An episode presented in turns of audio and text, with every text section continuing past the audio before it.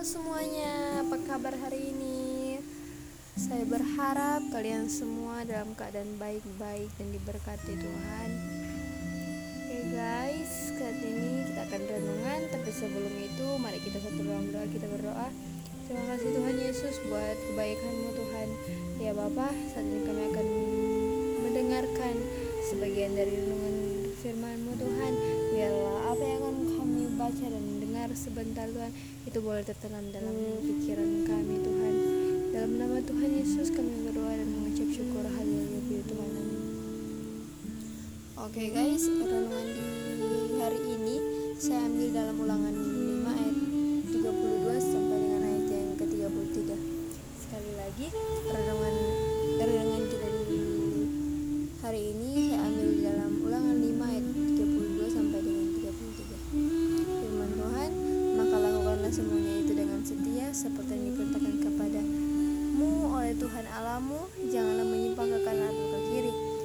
jalan yang kuperintahkan kepadamu oleh Tuhan Alamu, haruslah kamu jalani supaya kamu hidup dan baik keadamu setelah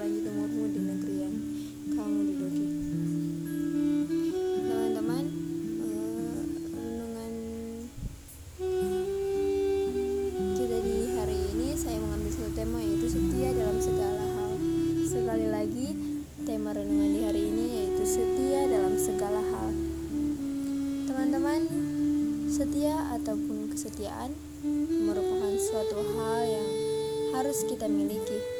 Tidak hanya setia kepada pasangan, namun kita juga harus memiliki kesetiaan kepada terhadap segala hal. Kita harus setia terhadap apa yang sudah kita mulai sehingga kita beroleh sesuatu yang sangat berharga yang tidak dapat dihentikan dengan uang. Pada saat ini, kesetiaan merupakan sesuatu yang sangat mahal harganya sebab sudah banyak di antara kita yang kehilangan arti dari kesetiaan tersebut. Seringkali dalam mengerjakan sesuatu hal kesetiaan kita diuji. Jika kita tetap menjaga kesetiaan itu agar tetap ada dalam diri kita, tentu kita dapat menyelesaikan menyelesaikan apa yang sudah kita mulai. Saudara yang dikasih Tuhan, pernahkah saudara menonton film berjudul Hachiko? Hachiko sendiri merupakan sebuah film yang menceritakan tentang kesetiaan seekor anjing bernama Hachi kepada tuannya. Ia setia menunggu kedatangan tuannya di stasiun kereta api hingga Hachi mati.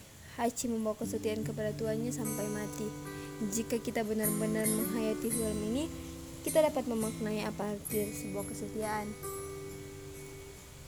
Kesetiaan akan ada jika kita memiliki komitmen di dalam diri kita.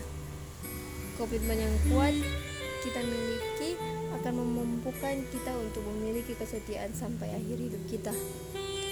Komitmen merupakan keputusan atau janji yang telah tertanam dalam hati. Jika komitmen tersebut hilang, kita juga akan kehilangan kesetiaan yang kita miliki sebab komitmen lebih kuat dibandingkan sebuah janji. Teman-teman, mengapa dapat dikatakan demikian? Dapat dikatakan demikian karena komitmen lahir dari setiap hati yang teguh dan tulus. Sedangkan janji adalah sebuah perkataan yang keluar dari mulut. Kesediaan itu haruslah kita mulai dari dalam hal yang kecil. Jika pada saat ini kamu dipercayakan sebuah pelayanan, jika dipercayakan suatu hal meskipun itu hal kecil, setialah dengan apa yang sedang kamu kerjakan. Setia bukan hal mudah. Kesetiaan harus diuji agar dapat menemukan hati kita.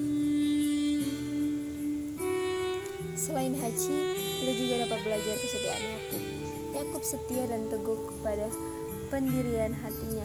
Yakub rela menghabiskan 14 tahun hidupnya dan bekerja kepada Leban demi mendapatkan orang yang dikasihinya. Makanya kesetiaan Yakub sempat diuji di mana tujuh tahun pertama ia bekerja, justru Laban mengingkari janjinya untuk memberikan Rahel.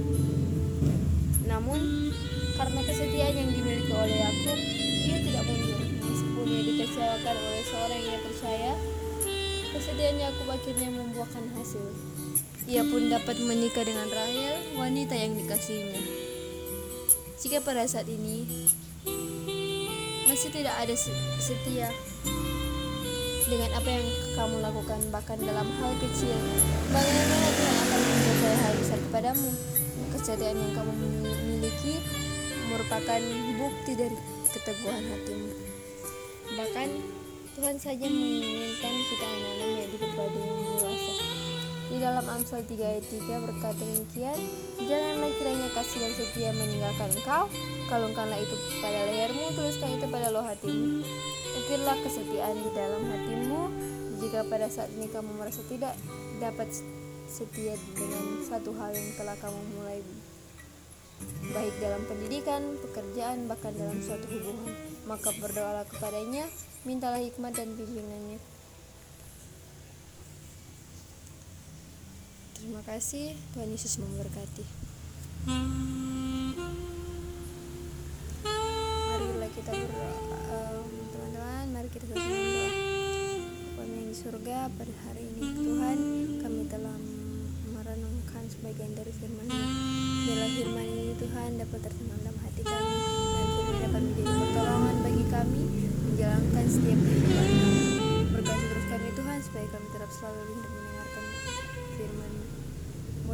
Tuhan ini sudah menyampaikan firman Tuhan yang diberkati lebih lagi memberikan kesehatan selalu agar dirap setiap kehidupannya lebih lebih lagi rindu untuk menyampaikan firman Tuhan di mana pun berada.